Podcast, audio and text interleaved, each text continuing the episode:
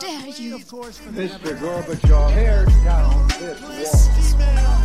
I did not have sexual relations with that woman. Read my lips. Hell yes, we're gonna take your AR-15. This way. I have a dream. Ja, det er en litt uh, regntung og uh, trist uh, dag her i, i Halden, som kanskje setter rammene for ukas episode. Eh, vi skal jo snakke om Ropstad, Kjell Inge Ropstad, KrF eh, og eh, det litt det fallet der, men mer med bakgrunn i dette med politisk tillit. Eh, de mer spesifikke detaljene får andre medier ta seg av. Men Ropstad-saken er jo uansett en fin inngang til en større diskusjon om, om dette begrepet politisk tillit, som veldig ofte slenges rundt i det offentlige og i, i det offentlige ordskiftet. Eh, at eh, I Norge har vi fryktelig mye politisk tillit. Det er veldig bra. Andre land har ikke det. Vi snakker om USA, for eksempel, hvor man har veldig lav tillit til politikerne og antar at de egentlig bare er kjeltringer som er ute etter å robbe dem osv. Er ikke vits å stemme osv. Så, videre. så um, dette med tillit er, er fryktelig viktig. Eh, og så er det jo klart det er en pikant sak, Harald. fordi vi, vi gikk jo gjennom alle partiprogrammene, og vi var jo enige om at KrF hadde et godt uh, partiprogram. Men partiet går jo under sperregrensa. Det er ganske alvorlig. De er redusert til tre representanter på, på Stortinget, og det er jo et parti som ser ut til å ja, De sliter veldig med rekruttering. De klarer ikke å få nye medlemmer. Uh, og så fikk man jo dette I bakgrunnen her så ligger jo dette veivalget. Uh, de gjorde. Hareide forsøkte å dytte partiet i én retning.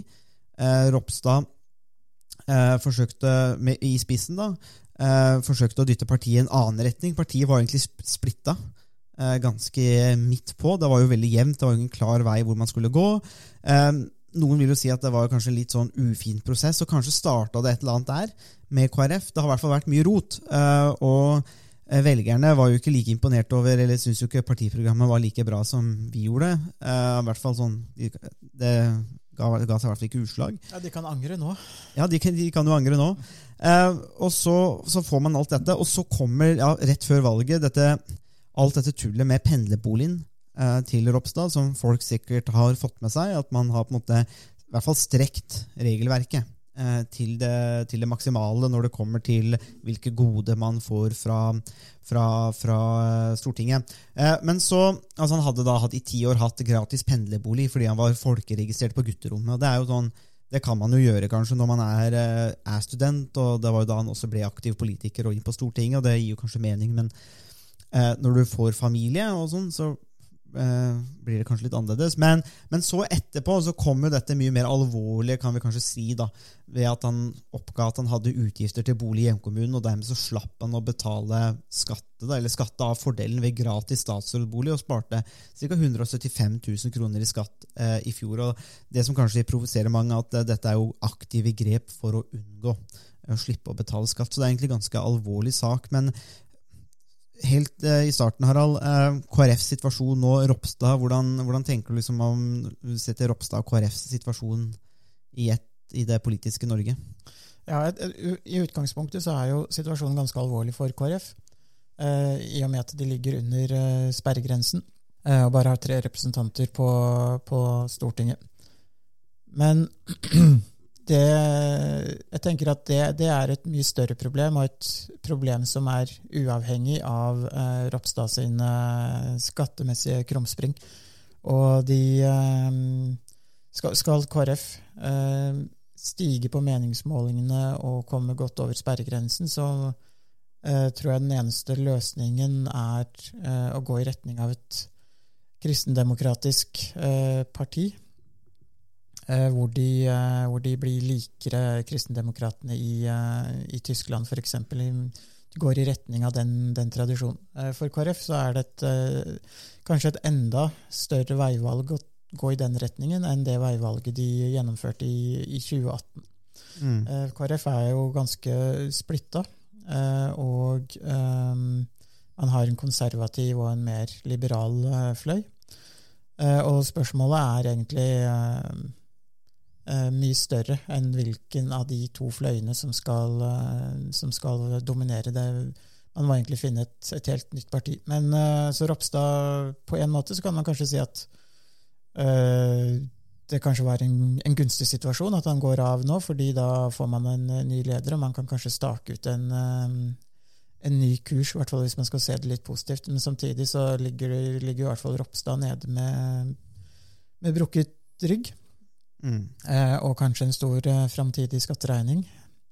Det kan, jo, det kan jo se sånn ut, og det er jo ikke sånn altså, Det er en veldig interessant sak, for at det, det her handler jo ikke om sånn Det er, det er jo verdt å diskutere, og det er sikkert noen som, som eh, føler med Ropstad, og som kanskje vil anklage oss og andre for en sånn form for skadefryd, eller at vi man må tråkke på en måte når man ligger nede. Men det, er, men, men det er en veldig fin inngang, for vi skal jo snakke litt i dag, Harald, og kanskje hovedtemaet er jo litt om vi skal forvente mer av politikerne, eller om det stilles andre krav til de, eh, og dette med politisk tillit. Men jeg må jo si at eh, eh, min umiddelbare reaksjon da jeg, da jeg så det, var den pendlerboligen, var, var jo det at ja, jeg, jeg, det, ble jo, det ble jo klart at Ropstad sto ikke alene. Altså, det er jo mange på Stortinget som har utnytta disse ordningene, og man har kanskje ikke helt visst hvordan dette fungerer engang. Det har vært en slags mangel på kompetanse, egentlig, ser det ut til som vært i systemet, men man har, jo også da utnytta dette, dette systemet, og det er jo på en måte svært mange, de fleste av oss, ikke kan gjøre. Eh, og slik at Det slår jo litt sånn dårlig ut, eh, tror jeg, for folks rettferdighetsfølelse.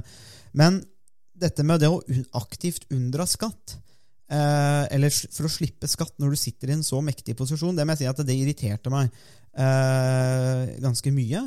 Eh, og så syns jeg det var litt alvorlig òg, fordi at eh, hvis man setter det litt på spissen, så er det på en måte folk i Og han er jo statsråd som beriker seg på det offentlige. Til, til, det er noen tilkaringsvirksomhet, sånn rent-seeking nærmest. At man karrer til seg fra det offentlige på en måte som hvis man gjør, hvis vi, du og jeg hadde gjort det, Harald, så hadde jo vi hadde jo blitt måtte, Ja, du måtte jo få jo bot, men eh, det kan jo ofte bli fengsel, og, og, det, man ser jo ned på folk som eh, gjør disse, disse grepene i resten av samfunnet. og, og i, I den sammenheng så ble jeg egentlig fryktelig irritert da jeg så det. fordi at det, det er på en måte sånn man ikke vil at det politiske systemet skal være. da, I hvert fall vil ikke jeg det. Eh, og så har de jo goder og alt mulig, men eh, for meg så er det altså svært skuffende da, at, eh, at man velger å gjøre det på den måten. Eh, og så er det jo en slags tragisk altså, ironi her, og en slags tragedie at eh, Ropstad begår en dødssynd eh, med grådighet. Eh, og så, Da går jo statsvitenskap-hjernen min rett tilbake i hvert fall til lord Acton og tenker liksom at all makt korrumperer. Eh, det å, Absolutt makt korrumperer absolutt, men eh, all makt korrumperer, og det tenker jeg Jeg vet ikke om det er å trekke det for langt å si at det var det vi så nå, at det blir en, en litt for hard dom mot Ropstad, men jeg tenker likevel at det vi har sett og Vi har snakka mye om det her i podkasten, om hvordan offentlig sektor eser og eser. Folk bruker mer og mer penger, og vi har sett hvordan dagens regjering vil, vil har redusert muligheten for innsyn. Man vil på en måte helst drive på litt mer i lukka rom, fordi at innsyn og alt mulig sånn, det er litt sånn slitsomt og, og, og, strevsomt. Og så ser man også at politikerne tilraner seg eh, og misbruker dette, disse godene. Og det, det må jeg si at det, det irriterer meg på vegne av de norske institusjonene. Ja, jeg, jeg syns også det er litt spesielt at uh, Kjell Ingolf Ropstad um, gjorde det han gjorde, fordi de dokumentene som skulle fylles ut og sendes til, ehm, eh, til både til Stortinget og til, eh, til regjeringen, de er jo offentlig tilgjengelig for eh, journalister og andre gjennom offentlighetsloven. Mm. Eh, Så han, han visste at disse dokumentene, sammen med andre dokumenter, kunne eh, bli, bli gitt til, til journalister som ba om, om innsyn. Mm. Så sånn sett så, så må han jo ha tatt en kalkulert eh, risiko for om det ville bli oppdaget eh, eller, eh, eller ikke. Mm. Eh, og hvis han ikke var bevisst det, så, så er det også et spørsmål om han er eh, Altså hvor, eh, hvor skarp han er som politiker, nærmest. Altså om Mm. han klarer å være forutseende, og man klarer å, å, å være litt foran. Både når det gjelder sine egne valg, sin, men også samfunnets valg, som man skal, eh, som man skal ta på vegne av, eh, av velgerne. Mm. Um, så det er, det er mange spørsmål som man kan stille til, til det som, som har skjedd. Mm. og et, et annet element handler jo også om at politikere har jo også personlige ambisjoner. De fremstiller seg ofte som samfunnets tjenere. Eh, Spørsmålet er jo litt som du var inne på i forhold til offentlig pengebruk. altså Er det, er det vi som er politikernes uh, minions eller eh, tjenere? Eller er det politikerne som, som tjener oss?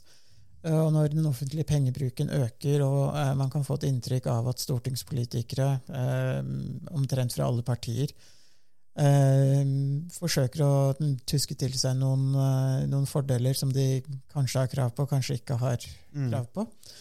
Um, og da Ropstad-saken som på en måte topper det. Mm. Så, så kan man få inntrykk av at uh, politikerne er opptatt av sine egne personlige ambisjoner, og at de, det, noe av det som skiller politikerne fra oss vanlige velgere, er at de har uh, høye personlige ambisjoner, og at de kanskje har karaktertrekk som, som gjør at de, de tar, er villige til å ta høy risiko, uh, både på egne vegne og også på samfunnets vegne.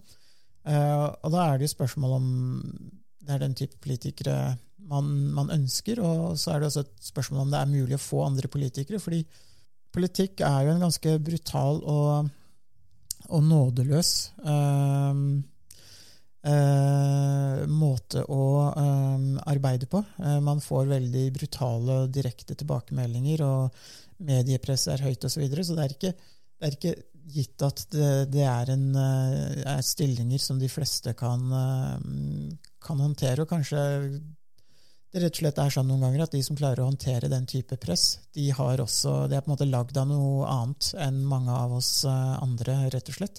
Mm. Og det, da følger det altså en del av pakka, og prisen du må betale, er den type um, litt sånn halvsnusk, litt sånn uh, dodgy uh, eh, dealing eh, med pendlerfradrag og utleie av leiligheter og det ene og det andre. Ja, det, er, det kan jo hende at det er, at det er pri- prisen vi betaler.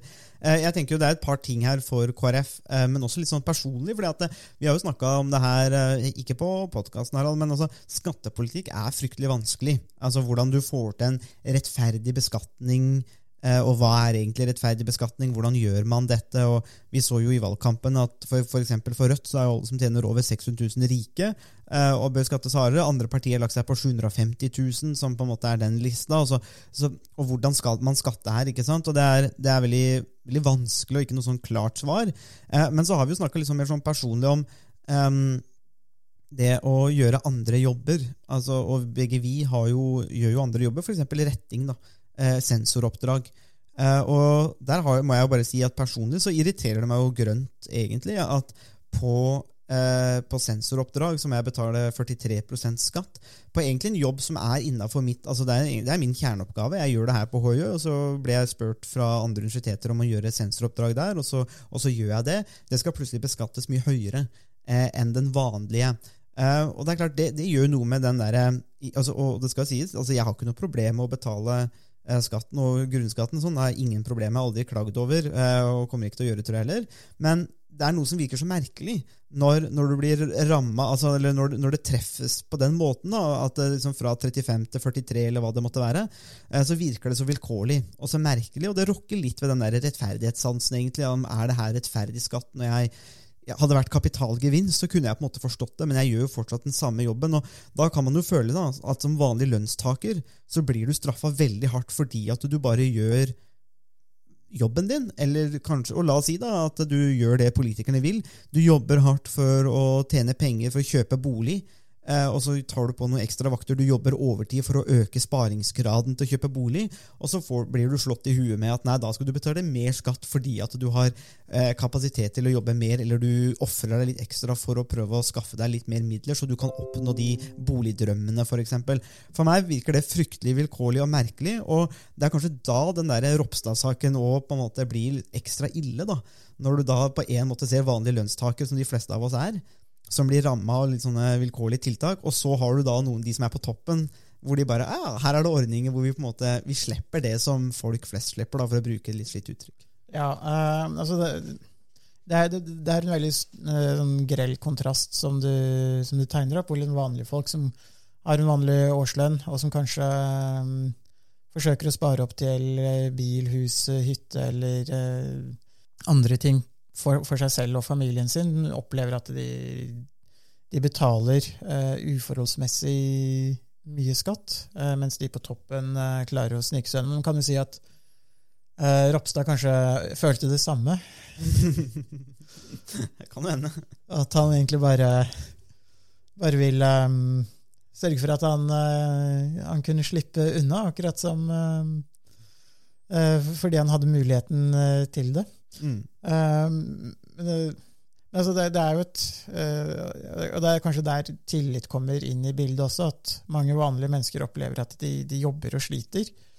Og de må jobbe hardt for pengene sine, at de, de sitter igjen med relativt, uh, relativt lite, selv om de, de har en relativt sånn normal uh, inntekt og liksom Klarer å tjene 50 000 ekstra i løpet av et år, så, så opplever de at en veldig stor andel av det Mm. kanskje forsvinner i, i skatt. Så den, den litt sånn oppgittheten over uh, hvor hardt de selv må jobbe, og hvor lett, i hermetegn, mange politikere um, har det eh, økonomisk, er jo kanskje noe av det som, som, eh, som gjør at, kan ved, at det kan rokke ved tilliten til, til politikerne. Og det, det her er jo et, et system problem. Ikke bare, altså Ropstad er jo en personifisering av Mm. det, akkurat det, det trekket, men det er jo et, eh, et trekk som har med både altså, som, som, eh, som handler om hvordan systemet eh, for stortingspolitikere og regjeringsmedlemmer eh, er konstruert. Eh, og kanskje reglene nesten med vilje er litt uklare for å skape, et, no, skape noen gråsoner. Mm. Altså helt til slutt, når det kommer til den Ropstad-saken, så tenker jeg at han er jo Det blir jo vanskelig for han å være rikspolitiker uh, på lang tid, tenker jeg. Altså, det er, og det var jo en, noen KrF-politikere, for det ble jo en raskt en diskusjon innad i partiet, og det var noen som også sa at KrF har jo forsøkt å etablere seg som et verdiparti, uh, og gjerne dette med omfordeling av eh, penger, altså goder. Gjerne til de svakeste gruppene i samfunnet.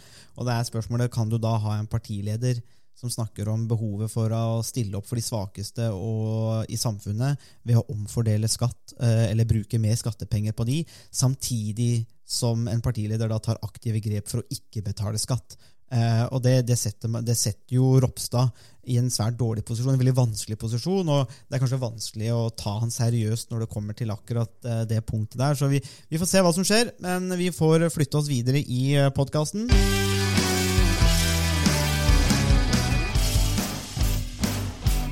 Fordi vi skal snakke om, eh, om, om tillit litt mer. Eh, Litt vanskelig begrep, egentlig. Det finnes fryktelig mange definisjoner av tillit og hvordan man velger å se det. Men jeg fant en, eh, en rapport her fra et faktablad her fra UiO. eh, og som snakker om politisk tillit fra 1973 til 2017. Og jeg syns de gjorde det på en, veldig, på, en veldig, på en veldig god måte. Fordi hva er egentlig politisk tillit? Vi snakker veldig mye om det. At eh, det er en slags magisk begrep, litt som demokratiet. Det er sånn ord som er veldig viktig. Og eh, vi hører jo stadig vekk at, vekk at i Norge så har vi veldig mye, eh, eller høy politisk tillit. da.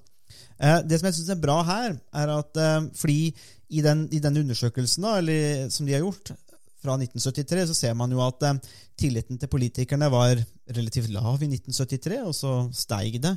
Eh, andelen av de som hadde tillit, gikk fra 50 til 64, 62, 66, og så dabba det veldig på slutten av 80-tallet og 90-tallet, og så har det ligget sånn på høyt 50-tall og så på 50, eh, og lavt 50-tall, og så ser man at det er litt fallende. Det som der det er høy tillit, er jo at det er veldig høy tillit eller tilfredshet med demokratiet. Der ligger helt oppe mot 90 eh, prosent som eh, er tilfreds med demokratiet. Eh, Det som er interessant her, da, er det at eh, denne, denne tilliten til politikere det er jo operasjonalisert gjennom tre spørsmål som går på om du mener at de som styrer, sløser bort en stor del av pengene vi betaler i skatt. Om de sløser bort noe, eller om de sløser bort svært lite.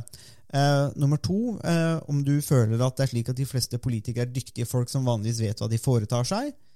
Og tre, mener du at de fleste av våre politikere er troverdige, og, og at politikere stort sett er troverdige. Og så eh, har man en indeks på dette, intersex, og så, og så måler man dette. Og det, det er jo litt interessant da, at eh, akkurat når vi snakker om dette med Ropstad og politisk tillit, så ser man disse spørsmålene eh, som kommer inn. Eh, men hvorfor er Og politisk tillit, tillit er et veldig viktig begrep, sier vi i statsvitenskapen, men hvorfor er det det, Harald? Altså, hvorfor må, må vi ha tillit til det politiske systemet eller politikerne, eller fungerer det like greit uten? Eh, det er et veldig godt spørsmål. Um, altså Tillit er jo noe som gjør mange prosesser enklere. Eh, fordi man, man eh, kan planlegge og Det er på en måte antagelser som gjør at man gjør, gjør, gjør, gjør livet, både politikken og for, altså mer, på mer sånn personlig plan, mer forutsigbart. Så på samfunnsnivå så er det med på å gjøre mange prosesser lettere, fordi vi kan til en viss grad eh, stole på andre mennesker, fremmede mennesker som vi ikke, ikke kjenner. Eh, Og det kan være med på å, å gjøre at vi eh, at det er lettere å ta beslutninger om å investere i et hus eller kjøpe en bil eller stemme på et parti, fordi vi antar at de aller fleste vi møter på, eh, er til å, å stole på at vi kan ha tillit eh, til dem.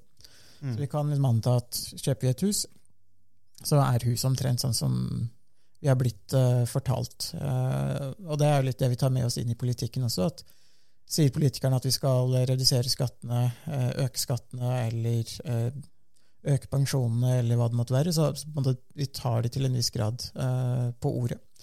Eh, Så det, så det gjør at mange, mange prosesser går enklere, og det er på en måte noe av det som, eh, som gjør at tillit ofte blir trukket fram som, eh, som viktig. Og hvis man ser på noen av de studiene som har blitt gjort, så er det spesielt én kjent studie fra Italia, gjort av Robert Putnam, hvor han studerte mange av forskjellene mellom Sør-Italia og Nord-Italia. Og et av funnene var jo at tilliten var høyere i altså, altså Hele det politiske systemet, hele samfunnet, fungerte, var mer stabilt og fungerte bedre i Nord-Italia enn i Sør-Italia. Og det var jo delvis av høyere tillit i, i Nord-Italia. Mm. Eh, og, eh, så, så det sier noe om hvilken rolle eh, tillit kan spille for å både, både gjøre politikken eh, mer funksjonell til å fungere bedre, men også, eh, også at det er en sammenheng mellom den tilliten vi opplever til våre medmennesker eh, og, vår, eh, og andre, altså våre medborgere eh, og politikere. Mm. Ja, det er jo det er noen, ser, det er noen definisjoner som nettopp ne, altså, definerer tillit, da, som dette med delte interesser, og at det er en slags mangel på eh, det engelske som vi bruker, da, mangel på malice, eller kanskje sånn ondskap, eller at man er eh, ja, man forsøker å lure hverandre. og, og det, er, det er nettopp akkurat dette, kanskje. altså Hvis man har tillit til hverandre, så det reduserer jo kostnadene ved ulike transaksjoner, hvis vi kan si det på den måten. Eh, Du nevner jo litt det der med, med kjøp og salg, men det at man har tillit til noen, så, så slipper man å være redd for om vedkommende kom, forsøker å lure en, eller man, eh, at du ikke får pengene for tjenestene, eh, osv. Og dermed så blir jo dette veldig, veldig viktig, og så kan man jo eh, skille litt videre på det. Og så er det også noe som nevnes, da, med at politisk tillit også handler litt mer om en det er, det er på en måte en oppfattelse da, av hvordan politiske institusjoner eh, presterer. Eh, også det er nært knyttet til legitimitet, og det kan vi jo kanskje si henger sammen nå. At eh, hvis man har lite tillit, eh, så mister man også kanskje legitimitet, på en måte. Altså at man, man anser ikke systemet som legitimt lenger, fordi man vet at f.eks. at politikerne er ute etter å berike seg, eller at de kommer til å gjøre mange andre ting enn det de sier. Så når du stemmer når jeg står i valgkampen, så, så veit du på en måte at det de lover, det, det har de ikke noe in intensjoner om å holde. da ja, Hvorfor skal vi stemme da? Så øker kanskje den der avmaktsfølelsen, da. Mm. Ja. Men samtidig så kan man også stille spørsmål om man trenger tillit til politikerne. Eh, For så lenge politikerne altså Vi kan jo støtte politikerne så lenge de gir oss det vi vil ha. Eh, Vi trenger ikke nødvendigvis å ha en direkte tillit, men vi kan si at uh, Se på det som en transaksjon, som en handel. uh, hvor Mm. vi gir politikerne støtte, uh, så de kan realisere sine personlige ambisjoner, både inntektsmessig og når det gjelder makt og oppmerksomhet. Mot at vi får noe tilbake, som lavere skatter, høyere pensjoner, eller hva det måtte være. Så, Mm. så man, kan jo, man kan jo se for seg at man kan ha et uh, system som fungerer, uh, til en viss grad, også med lav tillit, eller uten, uh, uten tillit, så lenge man får noe tilbake. Men det som kanskje er det sentrale her, er at man som velger må oppleve at man får noe tilbake. Mm. Eh, og at man, man sitter igjen med noe etter å ha gitt støtte til, eh, til et politisk parti eller en politiker. Mm. Men jeg tenker, ja, og det er jo veldig interessant, fordi jeg vet ikke om det er mulig i praksis, ja, men det jo, høres hvert fall eh, det høres i hvert fall mulig ut. Eh, og så tenker jeg, for jeg ser litt på, på hvordan man snakker om det, og da, slår det meg også dette med tillit. Eh, men hvorfor det har vært, kanskje vært viktig i dette med koronapandemien. For det er jo noe som peker på at hvis du har synkende politisk tillit, da, så kan det føre til at borgerne ikke lenger følger politiske beslutninger frivillig. Og Dette var litt av det vi var inne på i den podkastepisoden som vi gjorde med Lene Korseberg her. Eh, om på en hvorfor skal vi gjøre som staten sier. Eh, men noen ganger så kan man jo si at hvis man har høy politisk tillit, da, eller tillit til og altså institusjonene nyter høy legitimitet, eh, og vi har tillit til politikerne, så kan man jo kanskje si at man følger disse beslutningene frivillig. Eh, staten må ikke inn og bruke sin tvangsmakt nødvendigvis. så hvis man da aksepterer disse tingene frivillig, så kan man, da, vil, da er det naturlig å tenke at ok, men da vil jo ting gå lettere for seg. Det er lettere å implementere disse tingene, og man slipper kanskje de gnisningene med tvangsmakt eh, som eventuelt måtte komme inn. Da. og Det tenker jeg kanskje er en, er, er en viktig ting da, med dette med politisk tillit. og Det er kanskje også derfor man, politikerne skal være særdeles forsiktige med å misbruke eh, eller, ja, Sånn som Ropstad da har gjort. da. Ja, altså, Det er jo noe av det man fant uh, i den studien av uh, Sør-Italia og Nord-Italia. Mm. Nord-Italia brukte, der brukte de ulike regionene, eller det som kanskje tilsvarer til en viss grad fylker i, i Norge, brukte da bare noen uker, eh, ofte på å vedta mm, årsbudsjettet. Mens mange av regionene i Sør-Italia brukte opp mot åtte-ni måneder på å vedta eh, årsbudsjettet. Og det handler jo litt om hvordan man stoler på hverandre, og i hvilken grad man på en måte kan kan bruke ulike former for makt eh, og posisjoner til å, til å få igjennom eh, deler av politikken. Mm. Og, det, og, det, og det mest ekstreme, som bare, nå, nå som vi på en måte er, rett etter eh, 20 år med krig mot terror, og i Afghanistan og Jeg har lest eh, primærskildringer fra Afghanistan eh, rett etter invasjonen og i mange år framover, og skildrer også på en måte denne mangelen på tillit. altså hvor man hvor, hvor gruppe, Det er jo et litt annet samfunn. da, det, Man kan jo ikke sammenligne det med et demokratisk eh, regime som er, eh, Norge, for eksempel, som har vært demokratisk og liberalt i såpass mange år. Men likevel så skinner den der mangelen på tillit gjennom. da, du du tar egentlig, I alle transaksjoner tar du egentlig forbehold om at motparten kommer til å prøve å lure deg eh, eller ramme deg på en eller annen måte, og så må du helt tatt sikre deg. fordi at, og Det var også det som skjedde i Afghanistan, noe av den tragedien i Afghanistan, hvor rett og slett eh, lokale aktører eh, brukte USA og vestlige styrker til å på en måte ramme sine naboer eller politiske rivaler.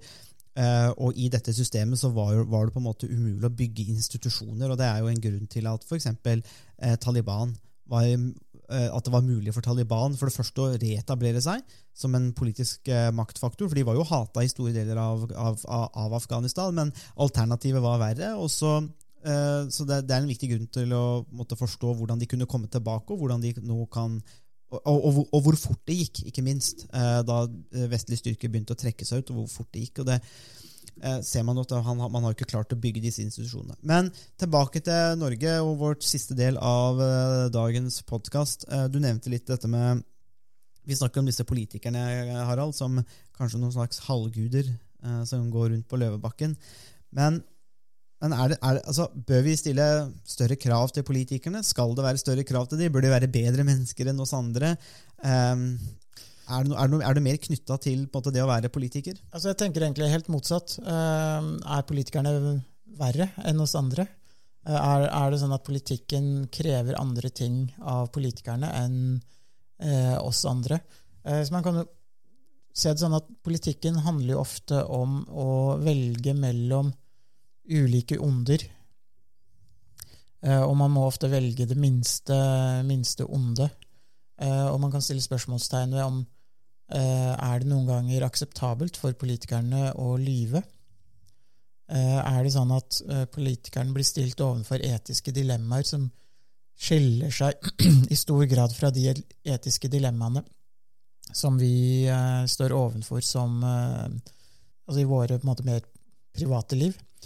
Eh, eller er det sånn at eh, det er de samme moralske standardene, uavhengig av om er eh, Altså om vi er politikere eller, eh, eller ikke. Og man kan kanskje tenke seg at eh, politikkens vesen eh, stiller politikerne overfor noen andre dilemmaer enn det vi ofte gjør i våre private liv. Um, og hvor det kanskje noen ganger kan være det beste for samfunnet at politikerne lyver eller holder tilbake informasjon, eller ikke er eh, åpne om alt eh, de vet. Noen ganger kan det kanskje handle om å fremme sikkerhetsinteressene til, eh, til Norge. Eh, rett og slett ved at eh, man eh, ikke forteller alt man vet. Eh, eller at man eh, holder tilbake informasjon eller den type ting. Og det, sånn sett så kan man kanskje si at politikken er litt annerledes. Eh, Politikerne blir stilt overfor noen andre dilemmaer, noen andre problemstillinger enn eh, oss eh, vanlig dødelige. Og da er jo også spørsmålet altså hvilken grad gjelder det politikernes privatliv? Altså er det sånn at de som klarer å være politikere, er de som, som har en litt sånn et, et mer tilfeldig forhold til, til etiske problemstillinger og moralske spørsmål. Mm. Som kanskje er villig til å inngå moralske kompromiss i større grad. Og det er jo noen ganger det de må. Altså, så kan du, du nevnte Afghanistan og Taliban. Så Taliban er jo på mange måter en organisasjon som de aller færreste ønsker å, å ha noe med å gjøre. Men samtidig så er det en, både en militær og politisk maktfaktor i Afghanistan. Så det er, det er en organisasjon man ikke kommer utenom hvis man eh, ønsker å ha noe med Afghanistan å, å gjøre. Mm. Eh, Samtidig så har det vært veldig stor motstand mot å forhandle med, Afghan med Taliban eller å ha noe med de, de å gjøre i det hele tatt. Mm. Samtidig, så man blir stilt overfor et moralsk dilemma. Det er mennesker og en organisasjon man ikke ønsker å ha noe med å gjøre, på den ene siden. Men samtidig må man ikke akseptere at man blir litt skitten på hendene for å komme et lite stykke på vei, kanskje oppnå noe. Er det ikke bedre å oppnå noe enn å ikke oppnå noe? Så, så der kommer jo inn det, det spørsmålet som er blitt kalt 'dirty hands of politics'. At det er nødvendig å, å bli litt eh, skitten på hendene for å kunne få til noe politisk. At man må være villig til å, um, til å inngå kompromiss Mm. som man ikke ville gjort i, eh, i andre deler av samfunnslivet eller eh, sitt eget liv. Mm. Jeg tenker jo at da er vi også inne i uh, Jeg tenker jo mye, men er uh, Her blir jo institusjoner også eh, veldig viktig, Uh, og kanskje hvor man ser hvorfor nettopp institusjoner har blitt så viktig i f.eks. statsvitenskap, hvorfor man legger så mye vekt på dette. fordi det kan jo tyde på at hvis, hvis, disse, hvis vi setter litt på spisen, kanskje hvis disse politikerne får drive på så For det første så forsøker de å utnytte institusjonene og regelverkene det de kan. Um, og på en annen måte så viser det kanskje hvor farlig det er hvis på en måte um, institusjonene ikke er sterke nok. Um, og, det viser, og, og det tenker jeg er kanskje noe av det som vi ser her. da. Og noe av det som har bekymra meg også med med, den, med, med, med Solberg-regjeringen. Altså jeg, jeg må jo si at altså Min dom er at jeg egentlig er ufattelig skuffa eh, over, eh, over Solberg-regjeringen. Eh, for meg så er det en, en, en liten sånn fiasko. Det kan kanskje høres litt hardt ut, men jeg, må bare, men jeg er litt sånn kompromissløs i den forstand at det irriterer meg, og dette var det vi snakka med Harald Stanghell om da han var gjest i podkasten, den derre tilraningen av makt.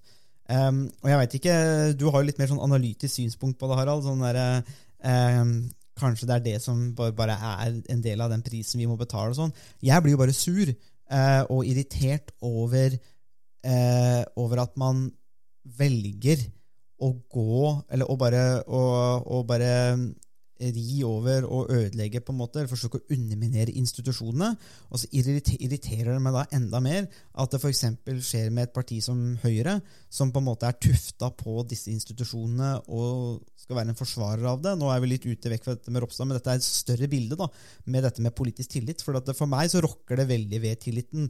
For meg så tenker jeg at de norske institusjonene det er på en måte det største. altså Hva, hva de ulike partiene gjør innafor og fordeler på statsbudsjett, og sånne ting, det kan man være enig uenig om, men det, det er av en annen interesse, syns jeg. og eh, de, de hendelsene her, og noe av det vi har sett under regjeringa, det, det, det, gjør meg på en måte mer forbanna enn en andre hva skal jeg si, skattepolitiske valg. altså Viken for meg fremstår som en sånn ja, det er en dum reform, syns jeg. En reform var nødvendig, men de skulle kanskje hatt en annen reform enn akkurat den. men jeg klarer ikke å bli så sur på Viken. Altså det er, det, er, blir liksom, du blir litt sånn oppgitt, men det spiller ingen rolle, egentlig. Det, det kan sikkert løses greit innafor Viken fylkeskommune, liksom, selv om det er en merkelig konstruksjon. Men akkurat det, andre det irriterer meg veldig, så jeg klarer liksom ikke å ta den der litt mer den der eh, kjølige, eh, avstandsbaserte, analytiske tilnærmingen eh, din, da, for jeg blir på en måte bare oppgitt. Eh, ja, altså det, er jo den Det er jo sånn man ofte reagerer, eh, og det er jo eh, Men er det avmakt, Harald? Er det det, du- er det, det du sitter og føler på? eh? Nei, altså jeg tenker Nei, jeg tror egentlig ikke Jo, kanskje det er et element av avmakt. Jeg vet ikke helt. Jeg har ikke analysert det sånn helt i, uh, i detalj. Men jeg tenker, jeg tenker kanskje at det også handler litt om at vi kanskje har et litt annet syn på menneskets natur også. Uh, jeg er kanskje mer tilbøyelig til eh, til å tenke at det, det er noe vi må akseptere, eller noe som hører til menneskets natur. Eh, Noe som Altså At vi til en viss grad eh, har noen av de tilbøyelighetene, eh, og at politikerne, som andre, kanskje vil gjøre ting for å som, som, som er litt suspekt. Men man kan også si det sånn at mange ganger så snakker man om at ja, vi må ha mer vanlige folk eh, inn på Stortinget, og vi må ha liksom, folk som, kan, som er som resten av befolkningen. Mm. Um, og resten av befolkningen er jo, består jo også av mennesker som gjør dumme ting og som gjør feil, og da må man jo på en måte også akseptere at Mm. politikerne gjør feil hvis det er sånn at de er som oss. Mm. Og det er jo sånn at de aller fleste, eh, i hvert fall når man har eh, nådd eh, min eh, alder, så har man jo gjort veldig mye dumt. Uten, hvis jeg skal begynne å lage en liste over, over det, så, så blir det jo en veldig lang liste, i hvert fall for min del. Uh, Men så, så det er jo vanskelig for både politikere og de aller fleste å gå gjennom livet uten å ha gjort noe, gjort noe dumt. Og så er det spørsmål om man man fortsatt skal ha tillit til dem eller eh, til politikerne eller ikke, og i hvilken grad vi skal stille større krav til politikerne enn eh, oss selv. Fordi at vi sier at vi skal ha vanlige folk på Stortinget som måte har kan representere oss, og som er litt som, eh, som oss. Eh, og samtidig så skal vi stille høyere krav til disse menneskene som er på Stortinget, eller som skal styre Norge. Og det er jo også en litt sånn, det går jo heller ikke helt sammen, for hvis vi skal ha vanlige folk, så må vi også stille vanlige krav til, eh, til de som er på Stortinget også. Mm. Så, så jeg- tenker at det her er på en måte kanskje mer komplisert, og hvis man begynner å grave seg litt ned i mange av problemstillingene, så er det, er det jo som, som det ofte er, så er det ikke alltid helt opplagt hva som, eh, altså, eh, hva som er konsekvensene, og hva som er konklusjonene. Mm. Nei, det er et godt poeng, dette med, med disse vanlige folka. Det er, ofte en klisjé man hører òg, at eh, du må ha folk som står for det de mener. Eh, å kalle en spade for en spade. Det er sånn, jeg er usikker på om det er, en, om det er den kvaliteten du vil ha nødvendigvis eh, alltid, i hvert fall i, i politikken. Og det, det er jo interessant òg, altså, og i hvilken grad kan man være vanlig idet man kommer inn på Stortinget, f.eks. Altså, er, er det noe vi kanskje ser med disse hendelsene, så er det vel nettopp det at dette systemet har en måte å påvirke folk på, eh, og forme mennesker òg. At man blir forma av disse omgivelsene. og eh, være rundt makt former jo personer. Altså, det er jo ikke noe, det er ikke noe eh, revolusjonerende innsikt, det. som dette skal vi jo egentlig bare eh, måtte forvente. Det, det er et interessant paradoks som du nevner òg. At eh, eh, skal man ha vanlige folk, så må man stille vanlige krav. eh, og, og hva er disse kravene? Eh, så det er, eh, er uansett interessant. Hvis det skulle vise seg da, at det er et, et, et lovbrudd fra Ropstads side, så det får jo juristene ta seg av. Så er det jo uansett et lovbrudd. Det har jo ingenting om forventninger eller sånn type å gjøre. Et lovbrudd er jo per def da et lovbrudd, så da, da, da er det jo det det blir. Eh, Men så får vi jo se, da. Det kan jo hende at man stiller urimelige krav til eh, politikerne, og vi er jo i hvert fall eh, rimelig kritiske til politikerne og det politiske her, men det er jo, er jo egentlig bare moro sånn på en regntung tirsdag morgen i, i Østfold. Da kan vi varme oss litt med den systemkri eh, litt systemkritikk. Det er, det er en god start på dagen. Det var det vi hadde å by på i denne ukas episode av Statsvitenskap og sånt. Musikken er komponert av Robin Horvath, og Thomas Focolato står for miksing og redigering. Du finner oss på Facebook, bare søk på statsvitenskap og sånt. Der kan dere komme i kontakt med oss hvis dere har spørsmål eller kommentarer. Der finner du også aktuelle artikler, videoer med mer. Vi setter pris på om dere liker sida, og deler den med andre som dere tenker vil ha glede av å høre på podkasten. Vi høres! change is coming whether you like it or not.